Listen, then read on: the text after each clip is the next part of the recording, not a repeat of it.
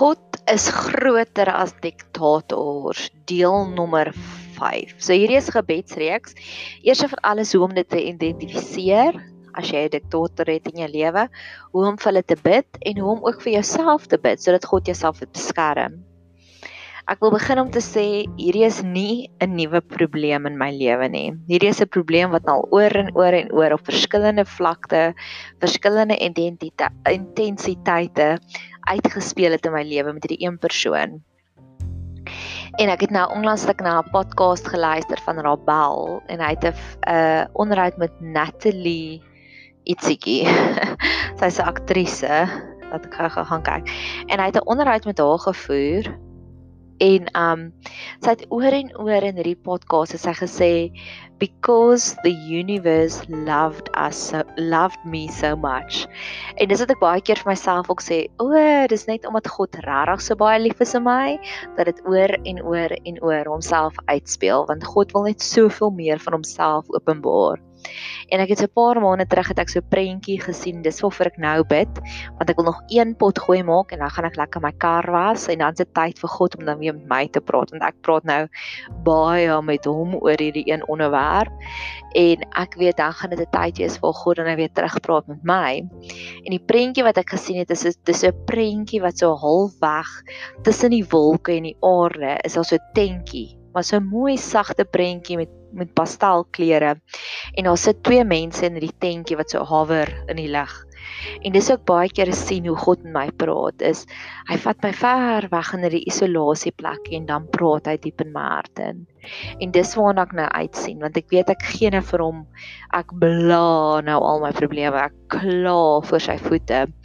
En ek weet op 'n stadium gaan hy terug begin praat met my. Alhoewel hy my reeds hierdie naweek toe ek weer in die slagveld was met die diktator, alhoewel hy toe alreeds baie met my gepraat het en my baie ondersteuning gegee het en my baie pitkos gegee het, weet ek nou na die tyd, na die naby betragting, gaan hy nog baie met my praat vorentoe ook juis oor hierdie situasie.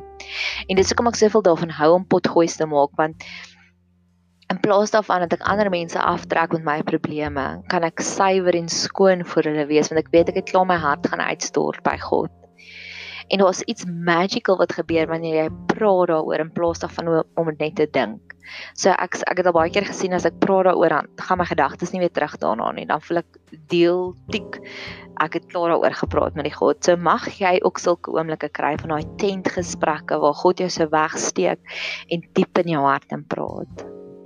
En dan die volgende een wat ek ook wil sê is daar's hierdie stukkie wat um Paulus van skryf wat hy sê vlees en bloed het dit my nie aan my geopenbaar nie, maar Jesus Christus.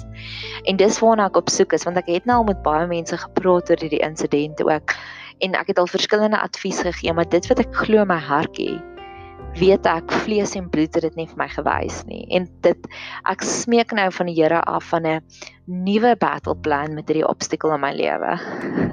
Op 'n stadium gister het ek vir iemand gesê, "Kan ek nie maar net verklaar dat ons hou nie van mekaar nie. Ek en die diktator hou nie van mekaar nie en kan ek maar nie net aangaan en toe sê hy, "Nee, nee, nee, mens kan nie dit doen nie."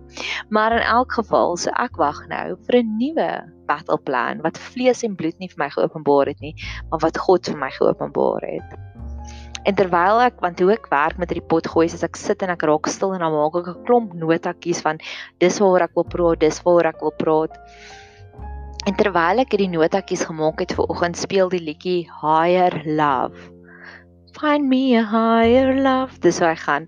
En dis eintlik 'n Whitney Houston liedjie, maar nou onlangs het iemand saam met Whitney Houston, ek weet nie wie saam met haar het hulle en Whitney Houston is al reeds oorlede en um toe het hulle weer hierdie liedjie oorgedoen, Kaigo en saam met Whitney Houston. So en dit is my so amazing want dit is my so mooi liedjie, Higher Love. Ek dink ons almal is op soek na daai higher love, na daai agape love, na daai meer intense liefde, na daai liefde van liefde wen en liefde bring genesing. En dis waarna ek regtig vir op soek is. Juis veral met die verhouding wat ek het met die diktator.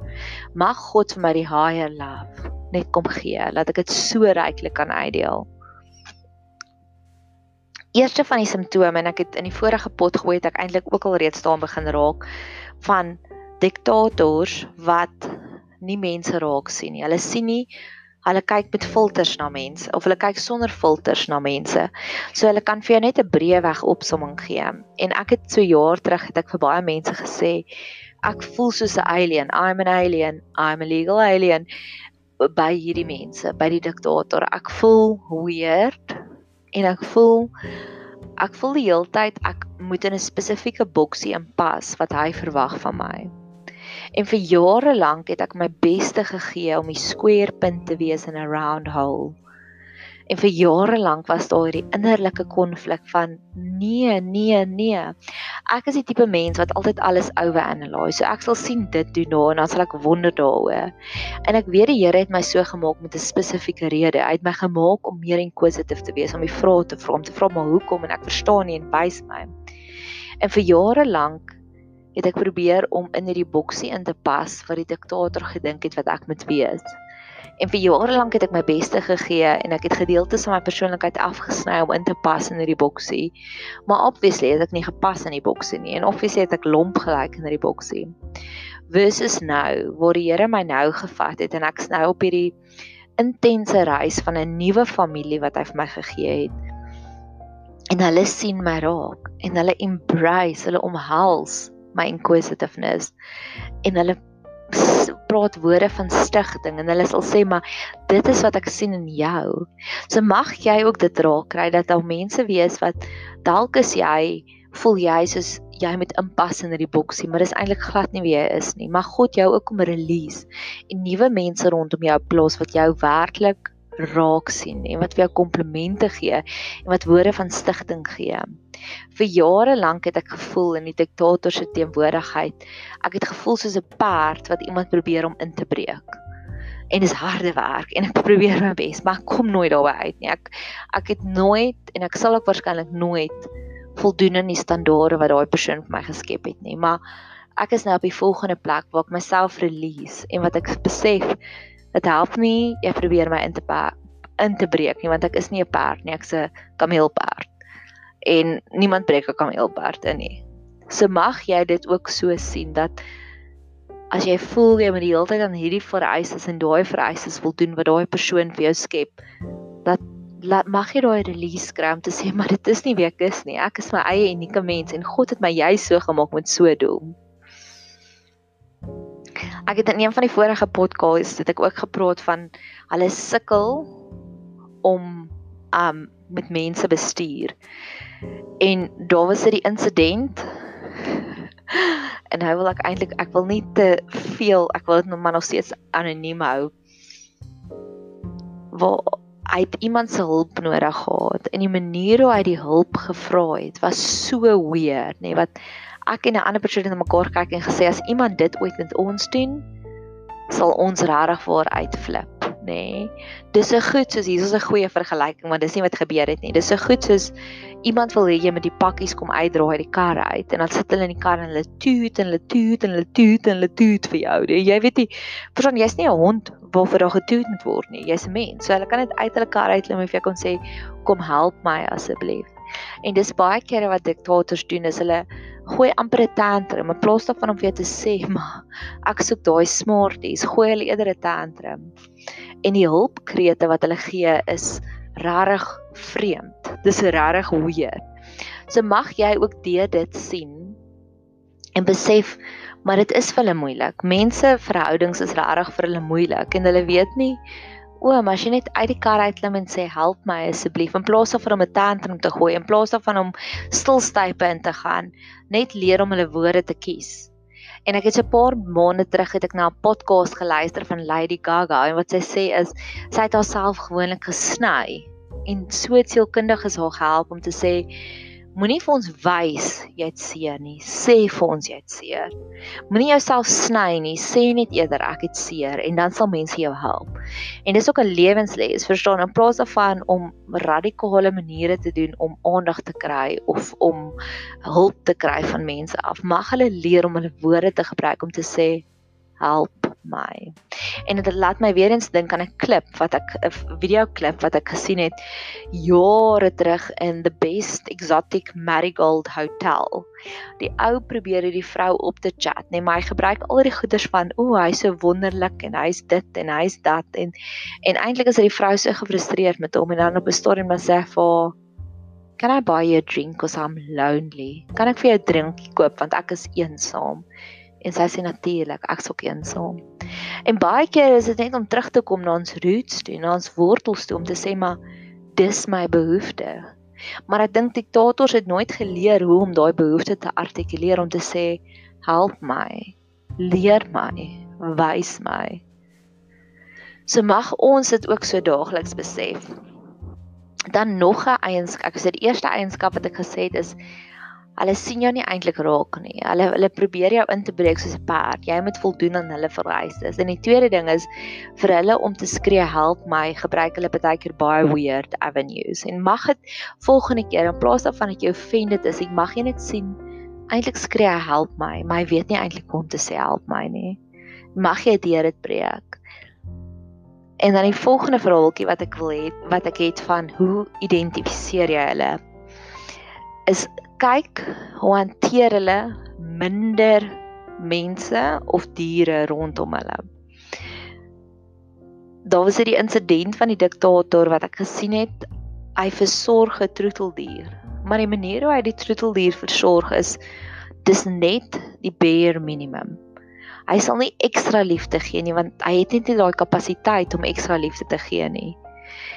En baie keer as mense dit sien, dan dink mense by jouself maar hoekom Hoekom nie net eerder 'n bietjie liefde gee nie?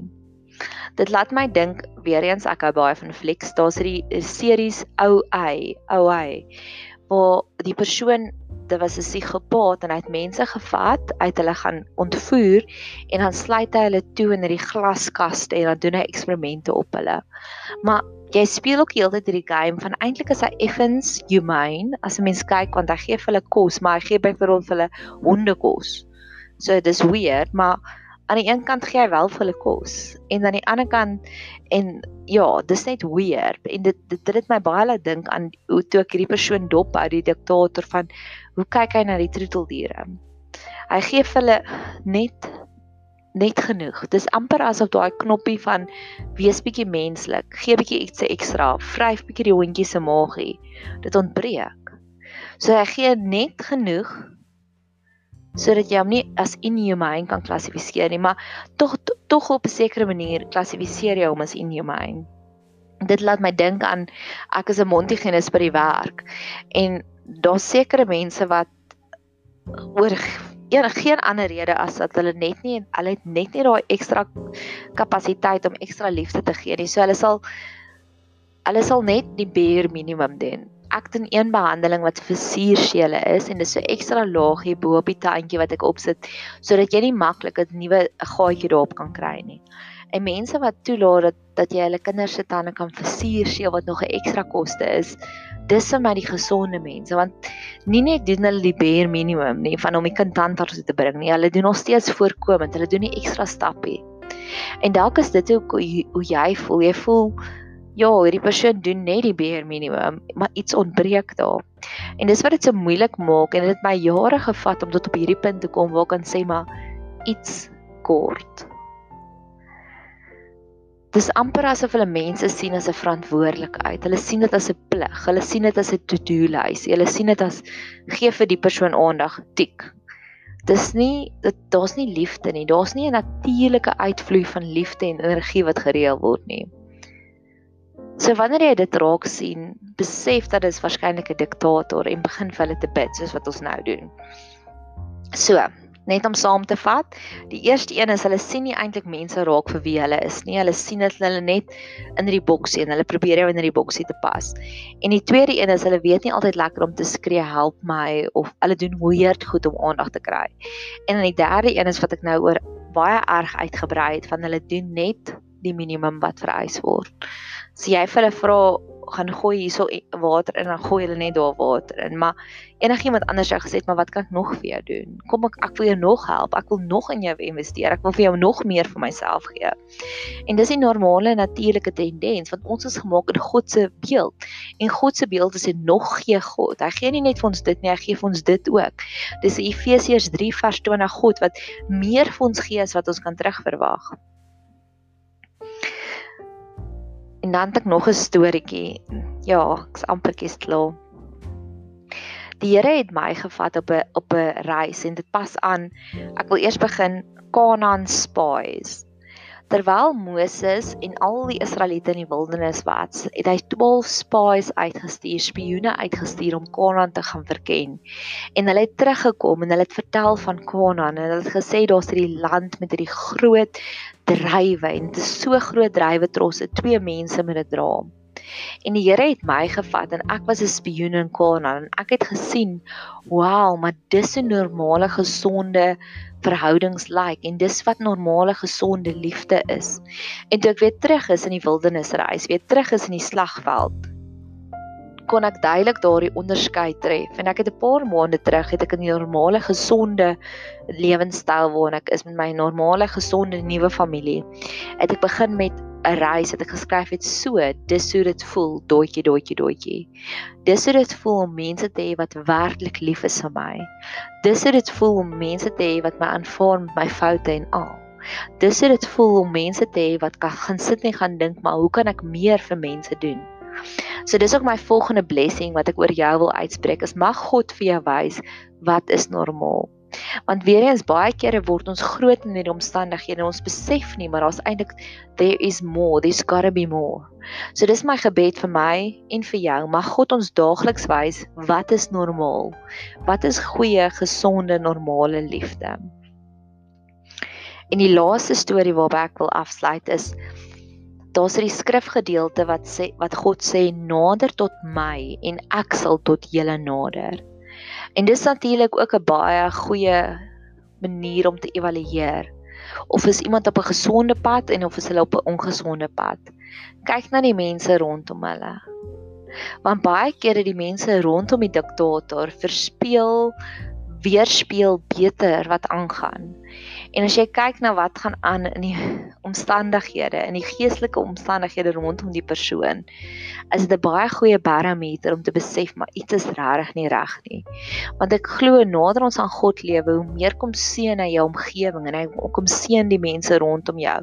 En jy het 'n positiewe ripple effek in die mense rondom jou. Maar as jy sien hierdie een persoon, die diktator het hierdie toksiese omgewing. Mense kry nagmerries rondom hom. Mense stres. Jy kan sien mense raak sommer oornag oud. Hierdie een sukkel met daai verhouding. Alles rondom hulle is net sommer toksies. Dan weet jy, maar jy vermoed dat iets is nie reg met hierdie persoon nie is daar. So dis dis nog 'n simptoom. So die eerste een is wat ek gesê het is um baie kere sien hulle mense nie raak nie. Hulle sien nie hulle verwag jy moet net die boksie in pas en as jy nie daarin pas nie, dan skryf hulle jou sommer af. Die tweede een is hulle doen net die nodigste. Hulle gee nooit daai tikkie liefde nie. Is dit daai spoonful of sugar makes the medicine go down? Hulle gee net vir die medisyne, hulle gee nie vir 'n spoonful of sugar nie. Hulle sukkel om te sê help my en dan dan gooi hulle tantrum, hulle doen weird goed wat jy dink hier dis weird en dan mense raak 'n verantwoordelikheid vir hulle. Dis 'n plig, dis 'n to-do lys. Daar's geen joy in ware intimiteit nie. En mag God vir jou vat op 'n reis van dis normaal, dis wat liefde is. Net soos wat hy my gevat het op die reis. En laastens, kyk na die omgewing rondom hulle. As dit toksiese omgewing is rondom hulle, dan weet jy dis 'n uitrippeling want daar's iets fout in hulle lewe.